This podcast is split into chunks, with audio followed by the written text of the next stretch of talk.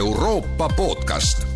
saade valmib koostöös Euroopa raadiote võrgustikuga Euronet pluss, mõista Euroopat paremini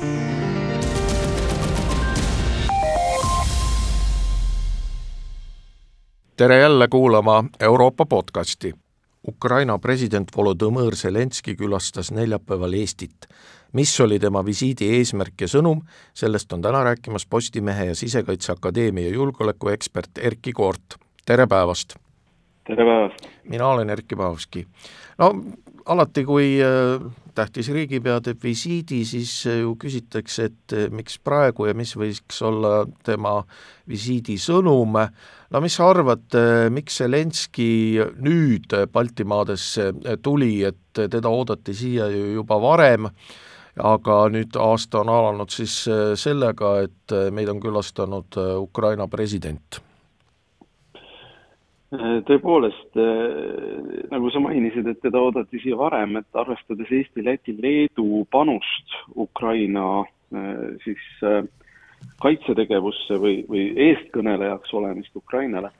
on isegi natuke üllatav, et, et ta jõudis alles nüüd siia ja ma pean tunnistama, et minu nagu teadvuses oli,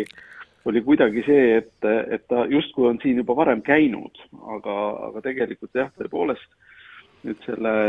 selle, selles perspektiivis oli, oli ta siin esimest korda. Ja noh, sõnum on äh, tegelikult äh, äh, kindlasti see, et äh, et eks ukrainlased vaatavad ka seda, et mitte ainult, et kes nagu SKT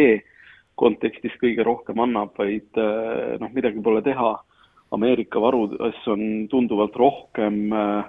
seda tüüpi relvastust, mida Ukraina vajab ja Saksamaal kui Eestis, Lätis või Leedus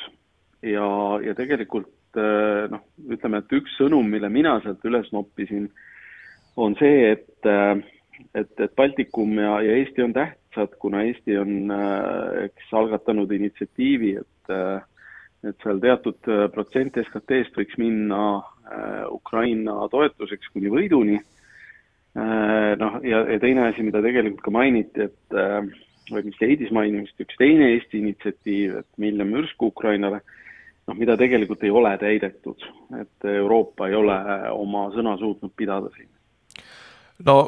see protsent on null koma kakskümmend viis äh, protsenti SKT-st ja, ja seda mainis peaminister Kaja Kallas, aga mind huvitab ka see, et Eesti, Läti, Leedu äh, ja, ja Baltimaade tavaliselt pannakse need ühte patta, aga kas sa oskad välja tuua ka mingeid erinevusi, äh,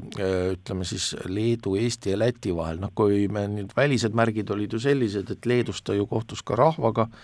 Eestis pidas parlamendi ees kõne ja Lätis minu meelest parlamendis seda kõnet ei pidanud, ta andis seal küll pressikonverentsi, aga ka, kas ka sisulise poole pealt oli mingisuguseid erinevusi? Jaa, sõnumites natuke erinevusi oli, aga äh, ütleme niimoodi, et eks me äh, oma mätta otsast Balti riigid näeme kõik, et me oleme väga-väga erinevad. väljastpoolt vaadates me oleme ikkagi üks piirkond äh,, mulle tundub, et Zelenskõi äh, neid nagu noh, visiite erinevalt planeerides tegelikult noh, taheti, taheti anda sõnum, et, äh, et, et Zelenskõi ikka külastas äh, kolme erinevat riiki. Ja, ja noh, et ütleme niimoodi, et üks äh, noh, läbiv sõnum oli muidugi see, et, et, et ei mingit läbi, rahu, läbi, rahuläbirääkimisi Venemaaga, aga teiselt poolt on ka noh, igal, igal riigil mingi oma osa, eks, et et Leedul on äh, Valgevenega suhteliselt palju ühist piiri äh,, Eestil on eks need algatused olnud, millest äh, jah, see null koma kakskümmend viis on, on ka see Kaitseministeeriumi äh, paberist tulenev ettepanek, eks, mida ka jah, peaminister Kaja Kallas rõhutas üle, et, et selles suhtes äh, ja, ja see miljoni mürsu algatus, et äh, eks Lätil ja Leedul on äh, need oma, oma algatused, et, et natukene see erinev oli nii vormilt kui sisult, aga, aga noh, muidugi on mõistlik või, või teha see üks piirkond nii-öelda äh, korraga no kahtlemata ja, ja Eestis oli ta ju pool päeva, siis läks Lätti edasi ja Leedus päev enne, et selles mõttes läks see ju väga kiiresti, aga lisaks mürskudele ja null koma kahekümne viie protsendile SKT-st tegelikult ju rääkis Zelenskõi Eestis ka, ka nendest asjadest, mida Eesti on diplomaatiliselt ju väga tugevalt ajanud. äh, ja üks on siis sõjakuritegude vastutusele võtmine sõjakuritegude eest. Ja Eesti on tegelikult ju minu teada ÜRO-s seda asja väga tugevalt ajanud. Ja, ja teine küsimus on ikkagi see Vene varade kasutamine siis äh, Ukraina poolt, et äh, siis võtta need Vene varad, mis on siis läänes igal pool laiali, üle ja, ja neid saaks siis kasutada kas siis Ukraina ülesehitamiseks või siis Ukraina äh, relvastamiseks, et äh, kuidas sulle tundus, et kas, kas need äh, ka jäid kõlama, et min-, mina küll kuulsin või mulle küll resoneerus see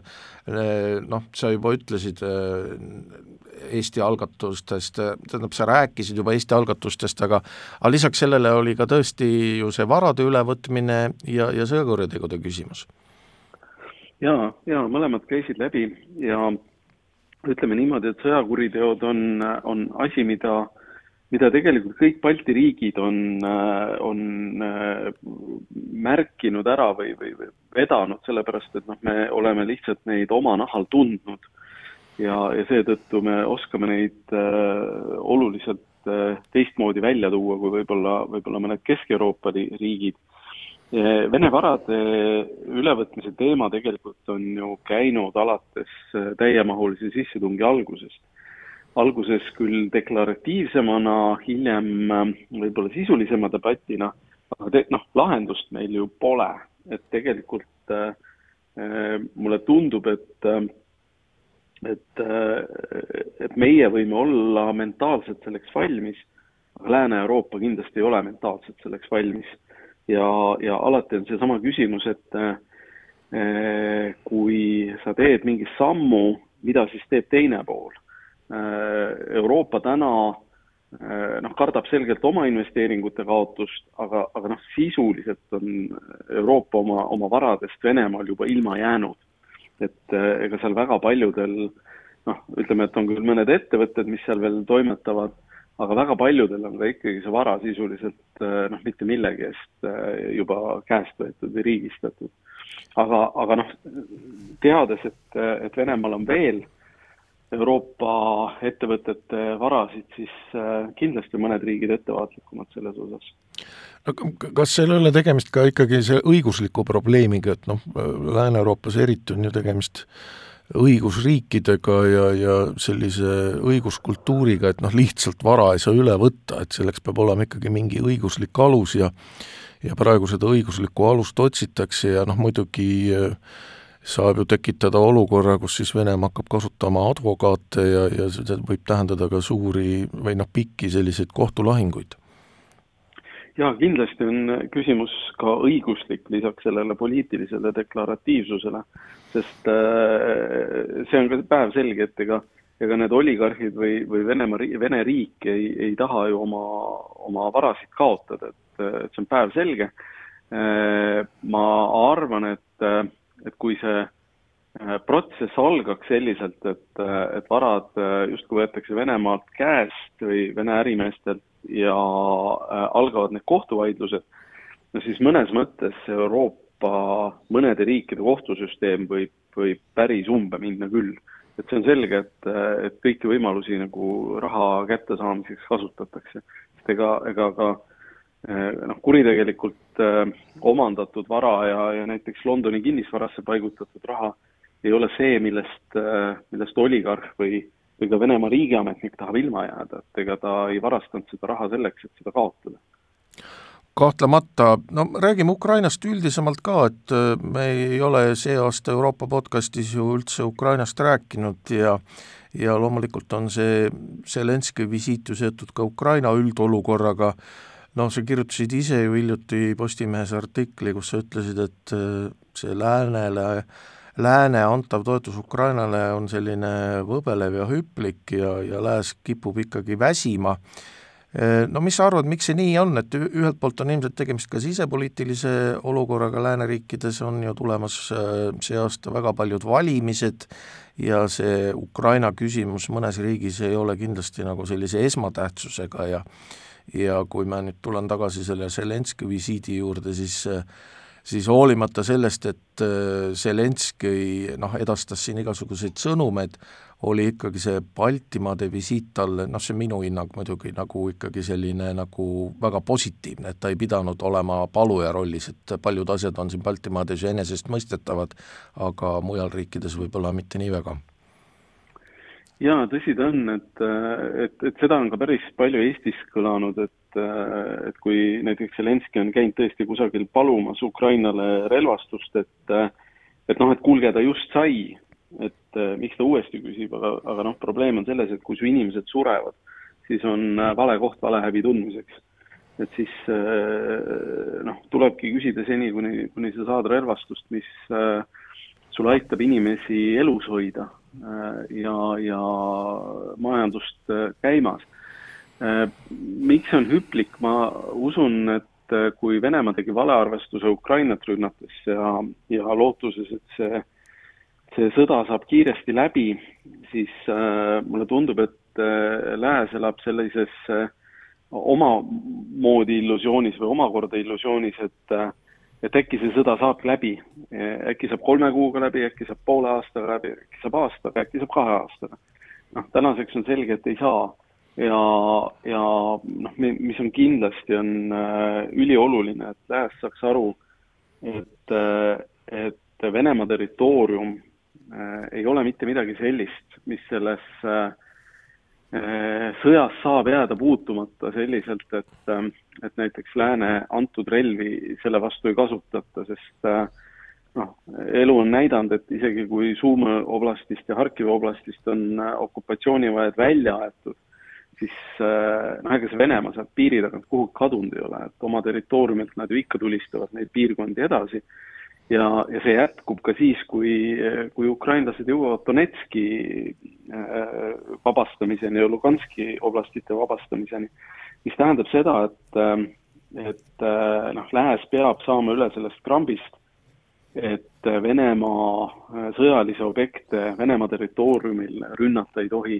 sest noh, põhimõtteliselt need kõik punased jooned, eks, millega on, on ähvardatud, on, on ammuilma ületatud ja,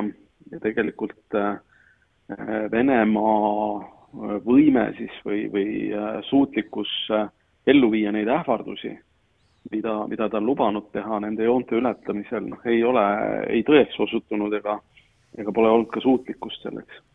no jutt käib ju muuhulgas ka tuumaeskalatsioonist, et sinu hinnangul, kui tõsine hirm on siis lääneriikides selle tuumaeskalatsiooni ees, et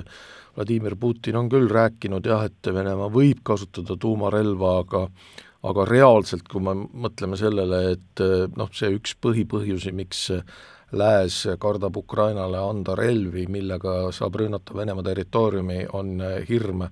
tuumasõja ees Jaa, noh tegelikult ju Ukraina on rünnanud territooriume igasuguste relvadega, nii Venemaa territooriumi kui neid territooriume, mida Venemaa enda omaks peab ehk et äh, okupeeritud siis alasid, mida on Venemaa ju konstitutsiooni järgi enda omaks kuulutanud.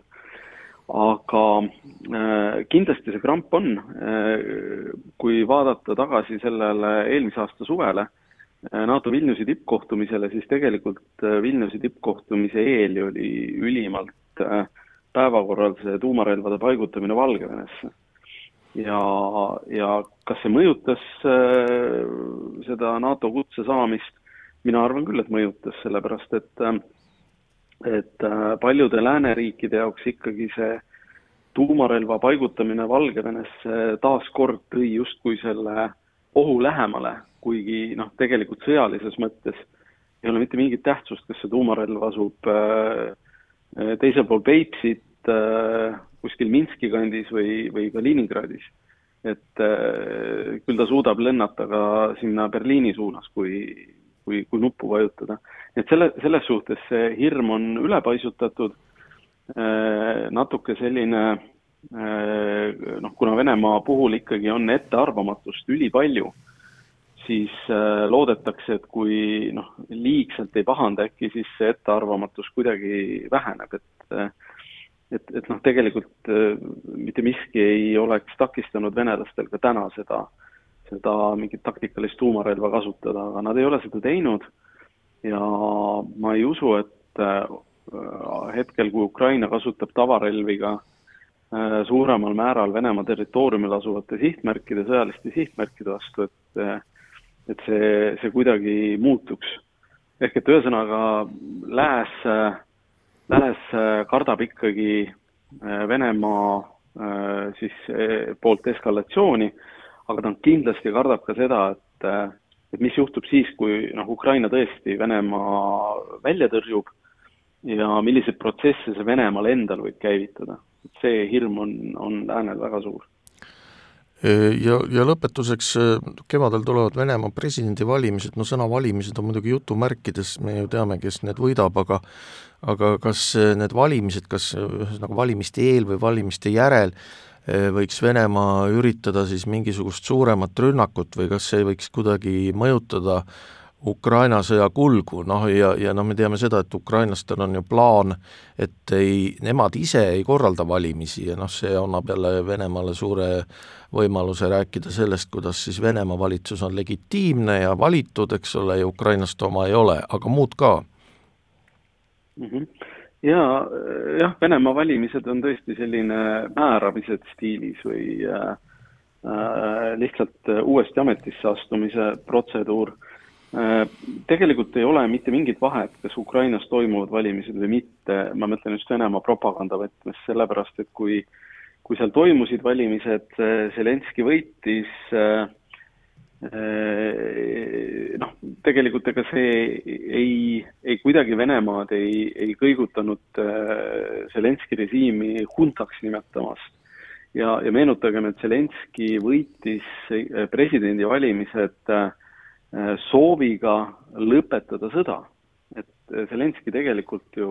valimistel äh, päris palju hääli sai tänu sellele, et et ta ütles see, et, et ta teeb kõik sõja lõpetamiseks. ja, ja tegelikku, tegelikkus oli täiesti vastupidine. et mis puudutab Venemaal toimuvat, siis noh, tavapärane on see, et et valimiste kontekstis püütakse mingisuguseid ilgusi kindlasti korraldada ja eriti siis, kui mingil põhjusel äh, kas siis toetusprotsent nähakse kahanevat või, või juhtub mingisugune muu koht, kus Kreml tunnetab äh, mõra või, või ohtu oma süsteemis. Äh, ehk et siis on vaja nagu seda vaenlast ja mingisugust edukat operatsiooni, et viia see tähelepanu mujale. mis saab peale seda nii-öelda Putini järjekordset ametisse asumist noh, seda on väga raske öelda, sellepärast et küll nad tahaks rünnata oluliselt äh, suurema jõuga, aga, aga kui, kui neil oleks seda jõudu, siis nad oleks seda juba teinud. aitäh, Erkki Koort, äh, Ukraina sündmusi kommenteerimast, see oli tänane Euroopa podcast, kõike head ja kuulmiseni!